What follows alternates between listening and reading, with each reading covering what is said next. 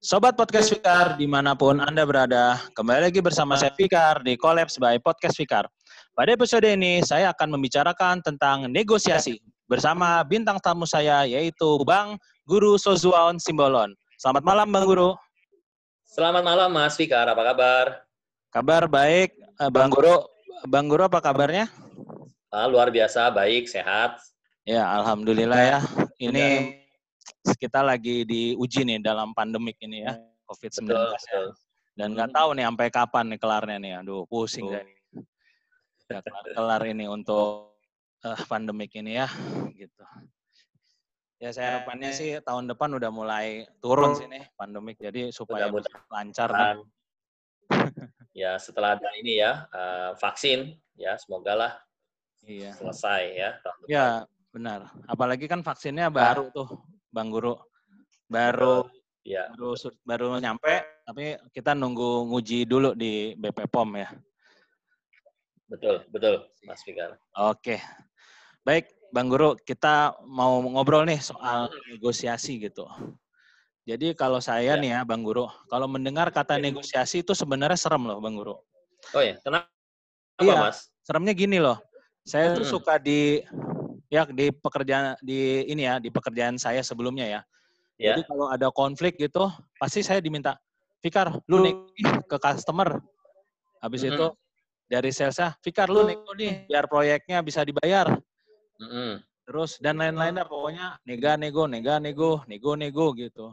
Mm -hmm. kalau saya dengar kata negosiasi sebenarnya serem. Seremnya apa? Ditolak apa yang kita nego gitu. Meskipun diobrolin, kita udah nyampein faktanya, kita udah nyampein buruknya, tetap aja dari customer tuh nggak mau tahu. Dia bilang gini, nggak mau tahu, saya pengen beres, terpasang, baru bisa gua bayar. Dia bilang gitu, Bang Guru. Oke, okay. nah sekarang biar enak nih pembicaraannya, apalagi kan saya pengen belajar nih mengenai negosiasi. Sebetulnya pengertian negosiasi itu apa, Bang Guru? Oke, ya terima kasih. Ini pertanyaannya sangat bagus, Mas Fikar. Jadi memang pada saat kita bicara tentang negosiasi, kita harus paham dulu sih sebenarnya apa sih negosiasi itu dulu ya. Nah tadi Mas Fikar sudah menjelaskan ada suatu kasus yang real uh, terjadi dalam pekerjaannya Mas Fikar ya. Jadi memang kata negosiasi apa uh, peran daripada negosiasi itu sebenarnya ada dua sih. Jadi ada yang berkaitan dengan bisnis, kemudian ada juga pada saat kita menghadapi namanya alternative dispute resolution. Saya akan bicara dulu yang alternative dispute resolution. Nah, eh, alternative dispute resolution atau artinya adalah eh, alternatif di dalam kita menyelesaikan suatu perselisihan. Nah, itu tahap paling awal itu adalah memang kita melakukan namanya negosiasi, seperti tadi Mas. Jadi ada suatu konflik yang berkembang bisa saja menjadi perselisihan. Nah, tapi konflik pun dimulai dari konflik kita harus ada melakukan suatu negosiasi.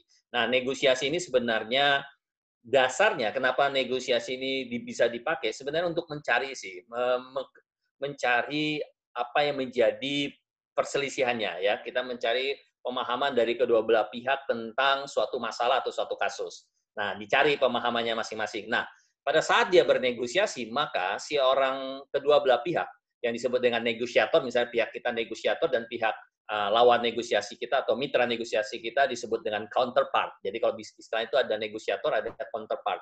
Nah, pada saat kita dengan negosi uh, kita sebagai negosiator dan counterpart kita berdiskusi, maka ada dua paradigma yang sebenarnya harus dikembangkan. Jadi mereka harus mencari ini, oh oke, okay, uh, paradigma seperti apa. Kalau mereka hanya kekeh gitu, kayak tadi kasusnya Mas kekeh itu apa keras lah ya, dengan mereka mengedepankan yang penting saya benar dan saya yang penting kamu lakukan. Nah, dia sudah mengembangkan tidak mencari namanya mengedepankan suatu persamaan. Apa sih kepentingan kita? Nah, dia lebih mengedepan menonjolkan suatu perbedaan. Kamu salah, saya yang benar. Nah, kalau dia mengedepankan suatu istilahnya persamaan, mencari suatu uh, persamaan kita di dalam suatu masalah, maka itu akan muncul lain disebut dengan suatu kesepakatan. Makanya disebut dengan paradigma orang yang berpikir positif. Dia maju, saya oke okay, ada masalah dengan pihak ini, bagaimana kita cari persamaannya, mengedepankan dulu persamaan. Nah, tapi kalau yang tadi kasusnya Mas Fikar, wah, bagaimana nih, saya yang benar, dia yang salah. Nah, tidak mencari kira-kira apa yang bisa kita cari dulu persamaannya, apa kepentingan kita. Nah, ini orang yang paradigma negatif kalau dia mengedepankan dulu perbedaan, sehingga konflik bisa melebar. Nah, menarik tadi saya katakan, di dalam dispute resolution distribution ini adalah tahap awal. Dan saya pernah melakukan research ya waktu tesis saya itu tahun 99 itu ternyata dengan negosiasi itu menghemat loh. Nah, ini dalam proses terjadi uh, konflik yang berkepanjangan atau terjadi dispute, perselisihan, itu adalah menghemat 90% dari semua dunia industri konstruksi yang pernah uh, masuk dalam riset saya, itu 90% itu di-reduce cost pada saat kalau mereka langsung ujuk-ujuknya ke pengadilan, litigasi. Nah, bayangkan tuh. Jadi dengan negosiasi itu sebenarnya sangat banyak dampaknya dari finance. Yang kedua apa? Long term bisnisnya. Jadi mereka kalau berkonflik dan masuk ke apa ber eh, masuk ke litigasi, pengadilan, udah pasti apa namanya tidak ada relasi bisnis yang jangka panjang, pasti untuk sementara saja. Nah, itu yang sering terjadi padahal kedua belah pihak pada saat mereka awal bekerja sama itu sudah terlihat ada aturan apa yang harus dicapai dan sebagainya. Padahal jelas juga di dalam kontrak harus berdasarkan musyawarah mufakat. Nah, makanya negosiasi ini sangat penting. Nah, yang kedua adalah di bisnis. Bisnis ini maksud saya adalah uh, bagaimana kita misalnya dalam dunia pekerjaan, misalnya dalam dalam dunia sales, kayak tadi Mas Fikar misalnya ada uh, dalam bidang pekerjaan dengan si siapa dalam dunia sales ya misalnya seperti itu. Nah, ini juga menarik kalau gitu kan. Misalnya tadi kalau bicara bisnis misalnya dengan pihak uh, misalnya kita sebagai seorang supplier, misalnya saya supplier, kemudian ada pembeli. Nah, bagaimana kita mengedepankan, oke, okay, cari win-winnya. Kalau istilahnya orang kan cari win-win, tapi sebenarnya ada nanti kita akan belajar ada beberapa model sebenarnya di dalam melakukan negosiasi. Memang idealnya tadi saya katakan win-win.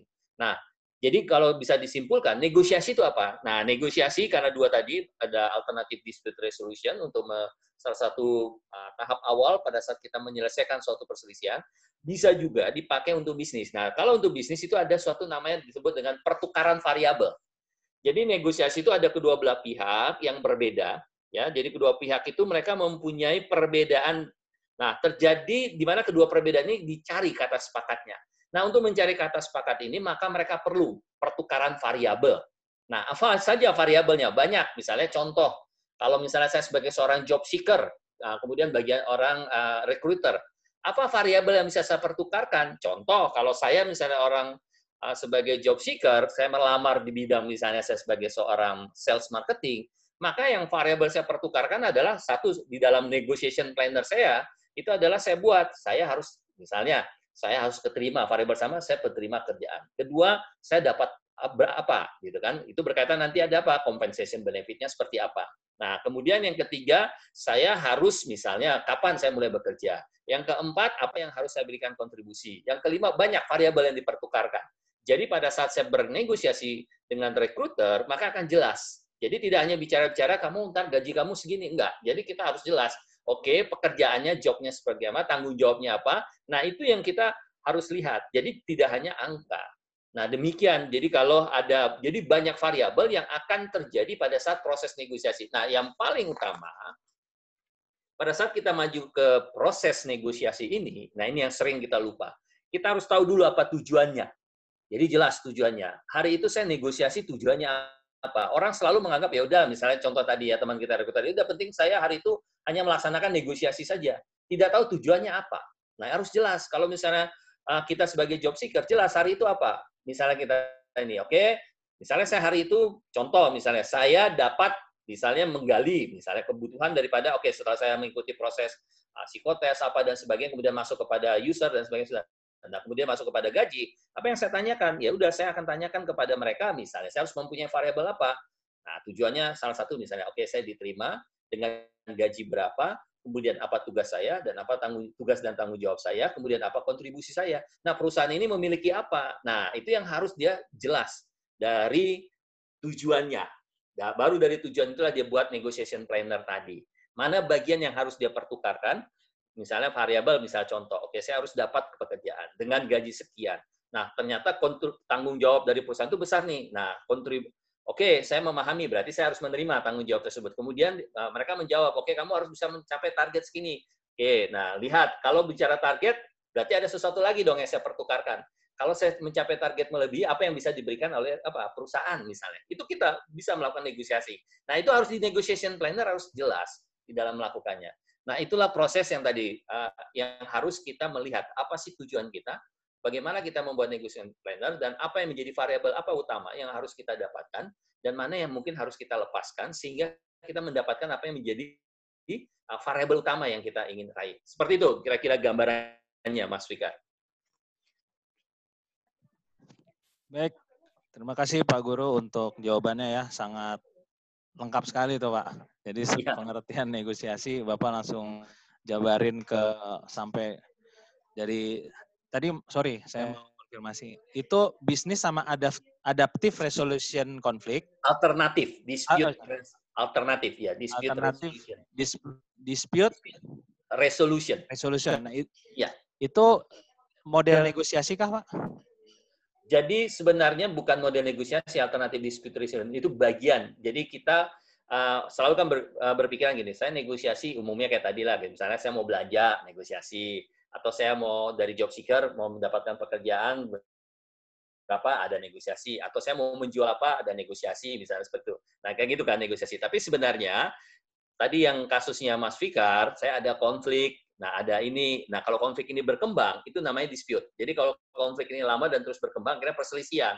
Nah umumnya mereka berselisih itu biasanya gini kalau udah nggak terpenuhi mereka langsung ke litigasi padahal mereka melengkapi harusnya bisa mulai dari apa negosiasi karena apa tadi? Negosiasi menghemat 90% kalau mereka langsung litigasi di pengadilan. Nah, itu alternatif dispute resolution. Jadi bagian pertama itu harusnya melakukan negosiasi. Sedangkan di kontrak pun kan jelas ada mereka harus melakukan apa? Musyawarah mufakat. Nah, mencari musyawarah mufakat dengan apa? Ya salah satu caranya itu ya dia memang harus dengan negosiasi dari perselisihan yang terjadi. Seperti itu Mas Fikar. Itu alternatif dispute resolution namanya. Oke, berarti itu bagian ya, Pak. Jadi Betul. Ya, jadi pertama tujuan negosiasi itu apa? Ya, kayak tadi kayak saya contoh saya ya yang waktu pengalaman saya hmm. pekerjaan waktu itu tujuan negosiasinya itu supaya customer tuh tenang hmm. gitu terhadap pekerjaan yang kita lakukan hmm. itu tujuannya. Betul. Nah terus juga kalau kan jelas kan? Nah, jelas. Nah, kemudian kalau negotiation planner ya, kalau boleh Bapak koreksi ya, negotiation plannernya itu waktu itu gini, saya udah nyetapin tujuannya, kemudian juga mm-hmm. saya tuh merencananya gini, saya ketemu sama customer berembuk, Pak, bisa nggak saya ketemu nih, saya ada yang mau saya bicarakan ya. nih berkaitan dengan proyek yang sedang berjalan gitu kan. Mm-hmm. Itu termasuk negotiation planner Iya, itu bagian negotiation planner berarti. Jadi uh, Mas menetapkan saya mau ketemu dengan siapa, pihak siapa yang berkepentingan, pihak, pihak siapa yang punya otoritas, wewenang untuk memutuskan. Nah itu itu di bagian negotiation planner. Jadi ada namanya 4P Mas. Jadi biasa jelaskan dulu ya sekalian negotiation. Nah 4P itu dalam negotiation planner ada empat. Pertama adalah kita harus punya persiapan tadi. Nah persiapannya tadi, misalnya apa topik masalahnya, kemudian sasaran kita dan tujuannya apa, kemudian tempatnya siapa eh tempatnya di mana waktunya kapan siapa yang bertanggung jawab ya kan? Kemudian kira-kira pandangan orang ini apa? Karena ini kan ada perbedaan apa sikap dan pandangannya bagaimana. Nah ini semua kemudian uh, itu sudah bagian itu persiapan. Kemudian di dalam negotiation planner yang kedua saya sebut 4P tadi. P yang kedua adalah pendahuluan. Nah jadi kita mensimulasikan uh, bukan mensimulasikan tapi menggambarkan kira-kira kira-kira nih kemungkinan sikap pandangan counterpart saya seperti apa? Kan ini mereka kecewa misalnya kan kayak gitu kan tadi dari atasan dan sebagainya.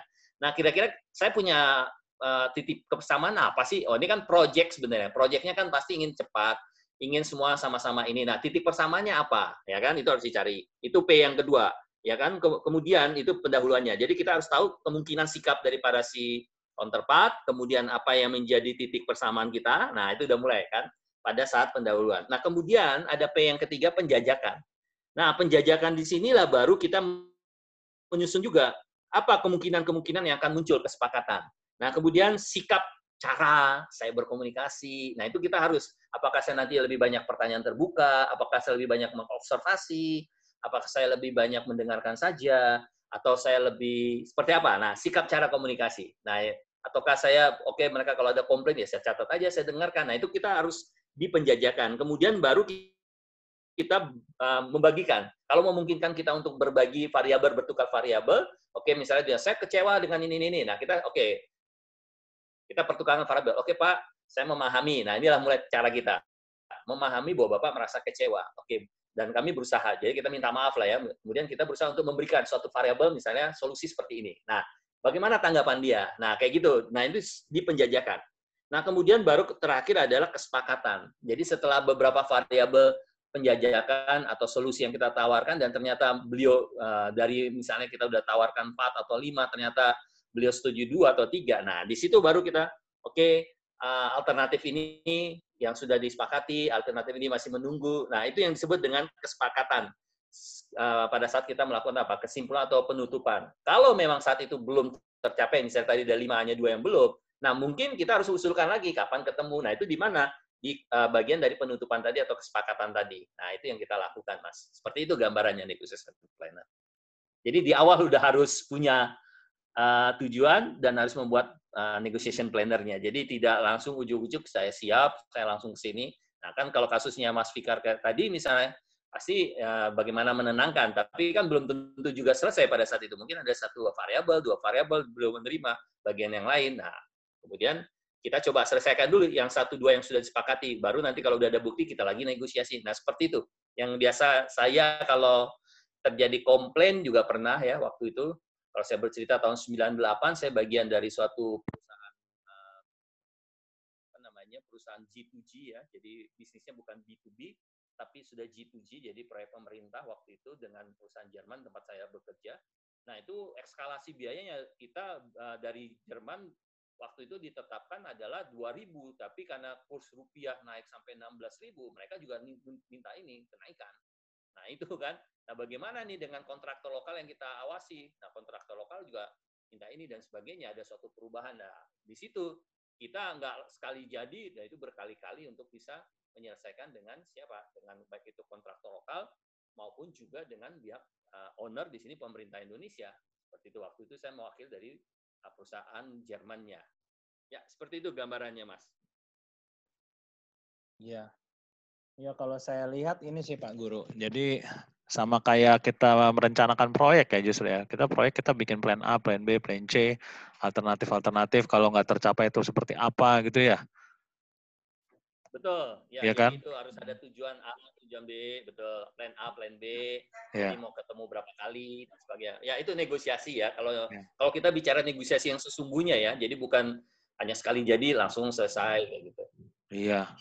Karena juga itu sih Pak hasil dari negosiasi ya waktu itu. Dia mengatakan kayak gini. Ya udah kita lihat lagi deh perkembangannya 2 sampai 3 hari lagi nanti kita ketemu. Nah, itu ada kayak gitu. Jadi nggak sepakat sih Pak pada saat itu. Jadi saya cuma lebih ke arah menyampaikan fakta yang ada gitu kan. Mm-hmm. Makanya dari situ ya palingan ini kayak adendum kontrak karena kan nggak tercapai itu kan pekerjaannya. Jadi kontraknya di adendum kan bisa tuh kayak gitu. Mm-hmm. Ya tapi ya tetap sih empati sih kalau saya bilang sih waktu itu. Jadi saya dengerin dulu. Ya masalahnya apa sih dia? Gini gini gini. Terus saya udah nyiapin solusinya satu dua tiga empat lima. Namun ya itu kalau ketemu customer yang bosi gitu dalam artian dia nggak mau dengerin apa pun solusi yang ditawarkan. Maunya saya tuh sesuai dengan salah. Iya waktu itu sesuai dengan kesepakatan awal. Nah berarti kan harus di tracing ke salesnya tuh. Emang udah janjian apa aja sih sama customer? Orang kita ngerjain proyeknya seperti ini gitu kan Mm-hmm. Nah jadi ya itu, jadi malah iya, justru negosiasinya ke sales yang bersangkutan itu waktu itu. Ya betul. Nah cuma memang kalau ada ya tadi mungkin kan karena pihak uh, itu owner ya, ya memang kadang-kala mereka selalu paradigma mereka adalah I win you lose sih sebenarnya mas. Jadi memang tidak mengkedepankan bagaimana sih cara idealnya memang kita ingin mencari win-win kalau situasi ini. Apalagi kan terjadi suatu uh, konflik ya. Nah itu yang pentingnya. Nah, bagaimana mengembangkan itu memang kalau kita di pihak sebagai tadi pihak yang dikomplain misalnya kayak kasusnya Mas, memang kita lebih Mas Fika udah benar, jadi lebih banyak berempati, lebih banyak mendengarkan, lebih banyak menggali dan sebagainya atau kita juga memberikan apa solusi alternatif beberapa alternatif solusi. Nah, cuma memang kendalanya pada saat itu uh, lebih banyak kalau situasi seperti yang kita lakukan seperti yang tadi sudah Mas katakan adalah uh, yang kedua. Jadi Eh, kita mungkin yang biasa ya, biasa saya lakukan kalau ada komplain seperti itu, memang saya lebih hanya mendengarkan saja sih. Nah, setelah mereka mendengarkan, sudah kita minta maaf, terus mencari memberikan alternatif solusi, apa the next-nya? Nah, kalau memang the next-nya mereka mau kembali untuk kita apa ya kalau saya selalu membawakan mengedepankan persamaan Pak misalnya kan proyek ini sebenarnya ada kepentingan kita adalah seperti ini seperti ini apa yang sudah terjadi seperti ini kalaupun ada miss adalah di bagian ini jadi untuk menekankan bahwa kita itu ibaratnya adalah bukan men, apa uh, kita tidak fokus kepada suatu masalah, tidak hanya melihat pada satu masalah, tapi bagaimana kita juga melihat nih sudah apa yang sudah kita lakukan sih kedua belah pihak. Nah kalau kedua belah istilah saya itu sebenarnya mengedukasi ke mereka atau reminding mereka. Jadi kalau mereka merasa bahwa apa yang kita sampaikan itu benar, itu akan membantu kita sih sebenarnya. Sambil tadi kan Mas sudah benar, jadi meminta maaf apa yang belum tercapai, atau mungkin dari pihak sales apa janjinya? Ternyata kok ada perbedaan. Ya kalau memang apa perbedaan itu ya kita kan semua selalu kembali kepada apa kontrak di awal. Udah betul mas ya. Tapi ternyata berbeda ya memang harus ada addendum dan tentu ada addendum. Berarti kan ada suatu biaya misalnya dari kita harus ada pekerjaan tambahan dan itu tidak tercantum sebelumnya kan ya berarti harus ada uh, ini bagian apa uh, resikokah dari kita atau mungkin bagian yang edit value yang kita tambahkan supaya tapi tetap kita harus mengikat Berarti nanti the next, ya biasanya seperti itu, ada suatu next yang kita harus dapatkan juga komitmen atau variabel yang mereka bisa berikan kepada kita. Seperti itu sih, Mas. Jadi ada dua ya, mengedukasi mereka, ya. Kemudian bagaimana juga memberikan apa edit value. Nah, itu bagian yang harusnya dipikirkan pada saat kita um, melakukan suatu negosiasi, terutama tadi yang Mas kasus Mas Fikar tadi ya, ada suatu komplain dan sebagainya. Itu sih Mas. Silakan Mas Fikar. Ya, baik.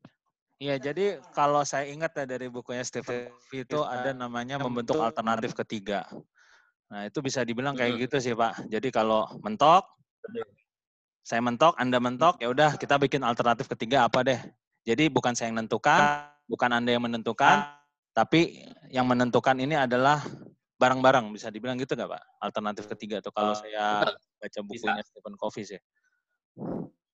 Sangat tepat. Ya, itu sangat tepat sekali. Jadi kalau misalnya sampai demikian disepakati kembali itu alternatif ketiga betul. Tapi pernah juga pengalaman saya kita menggunakan membuat alternatif ketiga tapi bisa jadi saya bukan pengambil keputusan. Nah, itu bisa jadi dia yang kita ajak dia misalnya bukan level pengambil keputusan loh Mas. Nah, itu bah, ini bukan the higher authority. Nah, biasanya kalau kayak gitu ya kalau bukan orang higher authority misalnya kita kan karena kan tadi kalau saya tangkap Mas uh, bukan the higher authority kan pada saat uh, membuat satu ini. Nah, itu kita butuh namanya pihak ketiga dari pihaknya kita atau dari pihaknya dia. Jadi itu adalah bagian. Jadi bagian yang disebut dengan kalau terjadi antara saya dengan si counterpartnya itu terjadi suatu perbedaan, namanya istilahnya apa? Kita melakukan yang disebut dengan uh, ini namanya stalemate sebenarnya mengatasi stalemate sebelum deadlock. Jadi kita menggunakan uh, mengganti tim, mencoba mencari high ya high authority, istilahnya COVID tadi adalah alternatif ketiga ya. Nah, itu kita harus lakukan loh Mas. Jadi uh, supaya uh, sama-sama kedua belah pihak masih mengedepankan bersama jadi sama-sama mencari solusi. Tapi kan kedua belah pihak, misalnya Mas Fikar bukan pengambil keputusan kan harus menggunakan siapa? Ya atasan. Kalau memang itu lari ke alternatif ketiga. Nah, seperti itu. Dia lebih clear, jadi jangan dibawa uh, oke okay, nanti saya akan sampaikan ke atasan. Lebih bagus ya udah kita uh, kalau saran saya supaya lebih efektif oke okay, pak kapan kita ketemuan lagi saya akan membawa yang sebagai higher authority dari dia higher authority. Jadi kan sama-sama supaya ini diambil alternatif ketiga yang lebih fix yang tadi mas sampaikan. Gitu loh mas. Oke baik pak guru. Oke Pak Guru, sebelum kita ke summary sama closing statement, ada satu pertanyaan lagi Pak yang mau saya tanyakan. Ya, silakan. Model negosiasi itu apa aja, Pak Guru? Ya, terima kasih. Model negosiasi itu sebenarnya uh, ini bisa kita pakai. Jadi pada saat kita negosiasi pun ke, ke lima model. Jadi negosiasi model itu ada lima negosiasi apa model. Jadi kelima kelima limanya bisa kita pakai. Jadi orang selalu berpikir wah ini maunya saya win-win gitu. Enggak, ada kelima lima ini bisa di dalam proses negosiasi kita pasti akan melakukannya. Contoh negosiasi yang pertama. Jadi pihak saya saya akan berpikir apa? Saya harus menang. Nah pihak lawan juga harus dia berpikir apa dia harus memberikan kepada saya. Berarti saya berpikir I win, you lose. Nah ini yang disebut dengan uh, tipe kita adalah berkompetisi. Ada nggak boleh nggak kita berkompetisi? Ya boleh dong. Masa ada sesuatu yang faktor yang kita harus memilikinya dan misalnya mereka harus memenuhi syarat ini kita biarkan oh tidak nggak usah pak gitu kan padahal itu sangat uh, penting syarat itu nah kita berkompetisi dia harus memenuhi nah I win you lose misalnya variabel itu nah tapi ada juga bagian yang uh, saya dengan orang saya harus memberikan kepada dia uh, pihak lawan, pihak lawan counterpart mungkin harus mendapatkan misalnya, wah saya pengen uh, ada penambahan pekerjaan misalnya ini, oh, kita lihat hitung-hitungannya, oh ya ini sih sangat mendukung dan bisa memberikan edit value. Nah saya mengakomodir namanya.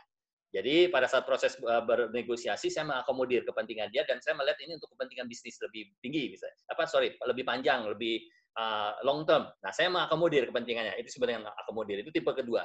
Tapi ada juga bagian yang tipe yang ketiga. Nah, ini saya dengan dia ya udahlah nggak terlalu penting sekali. Jadi ibaratnya uh, kita avoiding avoiding lah misalnya. Oke, misalnya contoh. Oke, saya uh, mau kita mengadakan tempat negosiasi misalnya di proyek deh yang satu lagi bilang, waduh jauh juga tempat ini. Tapi dia pikir ya udahlah, misalnya saya dari ini. Tapi karena saya masalah komplain, ya udah saya mengacukan. Toh dia juga uh, tidak terlalu keberatan juga sebenarnya. Ya udahlah kita ikutin. Jadi sama-sama sebenarnya uh, menghindar. Nah itu yang disebut dengan tipe uh, avoiding. Nah, nah, tipe yang keempat itu adalah kompromi. Nah ini yang sering terjadi orang kompromi. Jadi kalau kompromi itu tipenya apa ya? Setengah win, setengah lose. Jadi masing-masing berpikir setengah win, setengah lose.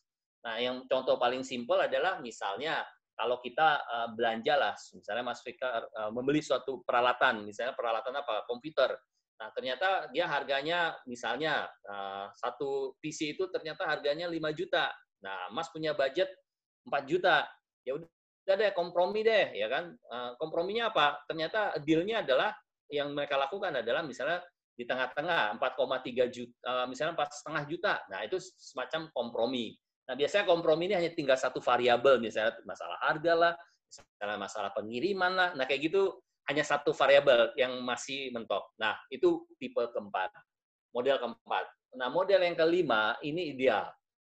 Kita berharap win-win. Nah, win-win, orang selalu berpikir win-win itu misalnya saya lima variabel, dapat 50%, 50%. Jadi bukan seperti itu. Kalau misalnya saya ada 5, eh 10 variabel, yang win-winnya, ternyata yang utama saya, itu saya butuhnya adalah yang paling utama yang harus saya dapat adalah tiga, ya kan? Tujuh itu saya berikan kepada dia, tapi asal tiga ini dapat. Nah, saya udah berpikir win-win. Jadi saya tiga, tapi ternyata dalam proses negosiasi saya dapat tiga plus satu misalnya, jadi empat. Sedangkan pihak lawan juga dia berpikir, ah saya cuma pengen dapat lima lah, sudah bagi saya, atau saya dapat enam. Nah ternyata apa? Sesuai, kita ternyata dapat empat, dia dapat enam. Nah, terap, apa kedua belah pihak sudah sama-sama happy, sudah memenuhi tadi uh, tujuannya dan negosiasi plannernya. Ya udah, jadi mereka akan berpikir uh, mereka sudah melakukan namanya negotiation win-win. Jadi win-win itu tergantung daripada tujuan dan variabel yang sudah kita tetapkan dari awal dan kita sudah dapatkan apa. Kalau plus lebih itu ternyata pihak lawan uh, mereka mau memberikan, nah itu keuntungan bagi kita dan tapi kedua belah pihak harus merasa apa? Merasa bahagia, berarti senang dia ber, uh, bernegosiasi dan kita. Itu namanya win-win, Mas. Lima model dalam negosiasi yang saya sebutkan. Jadi kelima ini bisa kok kita praktekkan di dalam negosiasi pada saat sekali negosiasi kita berjalan itu bisa. Yang tadi ya berkompetisi bisa, eh, kita mengakomodir bisa, kita avoiding karena terlalu tidak penting gitu ya, kita avoiding masing-masing kedua belah pihak meng, meng, apa, uh, tidak terlalu memperhati apa ibaratnya tidak terlalu fokus lah ya udah sama-sama uh, istilahnya sama-sama menghindar aja udah ini nggak penting ini nggak penting gitu. Nah yang keempat adalah tadi kompromi dan yang terakhir adalah yang paling ideal kita bisa melakukan apa win-win seperti itu. Ya demikian kira-kira Mas Fikar. Iya jadi ingat. Iya Pak, uh, ya Bang Guru. Jadi ingat ya di Stephen Covey bilang think win-win or not. Jadi istilahnya itu berpikir menang-menang atau tidak sama sekali. Iya. Jadi sepokat atau tidak ya, sepokat bisa dibilang gitu ya. Betul betul. Oke. Baik Bang Guru nih udah nggak serasa nggak terasa ya di penghujung acara dari podcast episode ini gitu ya. Jadi ya, dari Bang Guru dipersilakan untuk summary serta closing statementnya. Silakan. Oke, terima kasih Mas Fikar. Terima kasih untuk uh, kesempatan yang diberikan. Semoga juga para pendengar uh, podcast dari Mas Fikar ini bisa apa semakin teredukasi dengan kegiatan yang dilakukan oleh Mas Fikar. Nah, intinya adalah sebenarnya gini, negosiasi itu sebenarnya ada seni. Nah, ini orang kadang-kala lupa sebenarnya. Jadi negosiasi itu kita seni. Seni apa yang kita bisa miliki? Itu adalah seni kita berkomunikasi, seni kita berelas, berelasi, ya, seni bagaimana kita melakukan approaching kepada orang. Jadi pada bagaimana kalau menghadapi itu semua seni. Jadi kalau kita ingin bernegosiasi, kita harus melatih diri kita bagaimana kita memiliki seni. Nah, selalu di samping seni, kita punya harus punya strategi. Strateginya itu seperti apa? Ibarat kita bermain catur lah. Kalau teman-teman pendengar misalnya mendengar kata catur, pasti kan kita punya strategi seperti apa nih? Seperti tadi di awal, kita harus punya langkah bagaimana di awal. Apakah saya harus memulai seperti apa dan sebagai itu. Ada langkah awal kalau kayak bermain di catur kan ada langkah di tengah. Bahkan langkah tengah ini bisa menjadi langkah yang mematikan. Sama dengan negosiasi. Langkah tengah ternyata bisa langsung deal kita. Nah, itu boleh. Langkah awal ternyata langsung deal bisa nggak? Bisa. Ya gitu. Kalau kalau kalau dicatur gitu kan baru mulai langkah. Dua tiga langkah masih permulaan. Ternyata uh, pihak lawan ternyata uh, mereka tidak apa merasa bahwa mereka oh iya ya benar. Nah itu bisa bisa dilakukan. Nah, langkah akhir pun penting untuk apa? Menyimpulkan kita. Nah, jadi kalau untuk lebih jelas, misalnya bagaimana sih untuk memainkan peran setiap langkah, bermain untuk eh, seni, berbicara, seni meyakinkan, seni berrelasi, memang itu butuh latihan. Nah, pelatihan ini uh, tidak uh, bisa hanya sejak sebatas pada waktu kita hanya mendengarkan, tapi memang akan ada praktek. Nah, itu kalau butuh pelatihan-pelatihan seperti itu, ya saya pribadi memang hasil riset saya dari tahun 99 dari baik itu mengenai negosiasi ataupun tadi nggak disinggung bagian kedua setelah negosiasi adalah mediasi itu sudah saya lakukan. Jadi kalau teman-teman butuh bertanya, butuh pelatihan, silakan menghubungi saya di LinkedIn Guru Sojaon Simbolon atau di IG sama juga Guru Sojaon Simbolon ah, bisa untuk ah, membantu teman-teman atau membantu perusahaan untuk melatih bagaimana menjadi negosiator yang bisa dikatakan e, efektif ya negosiator yang efektif tepat pada sasaran dan mereka punya kemampuan untuk e, sebagai e, pribadi-pribadi yang memiliki tadi kemampuan untuk punya strategi, kemampuan berrelasi, berkomunikasi di dalam melakukan proses negosiasi. Itu saja, Mas Fikar. Terima kasih banyak nih.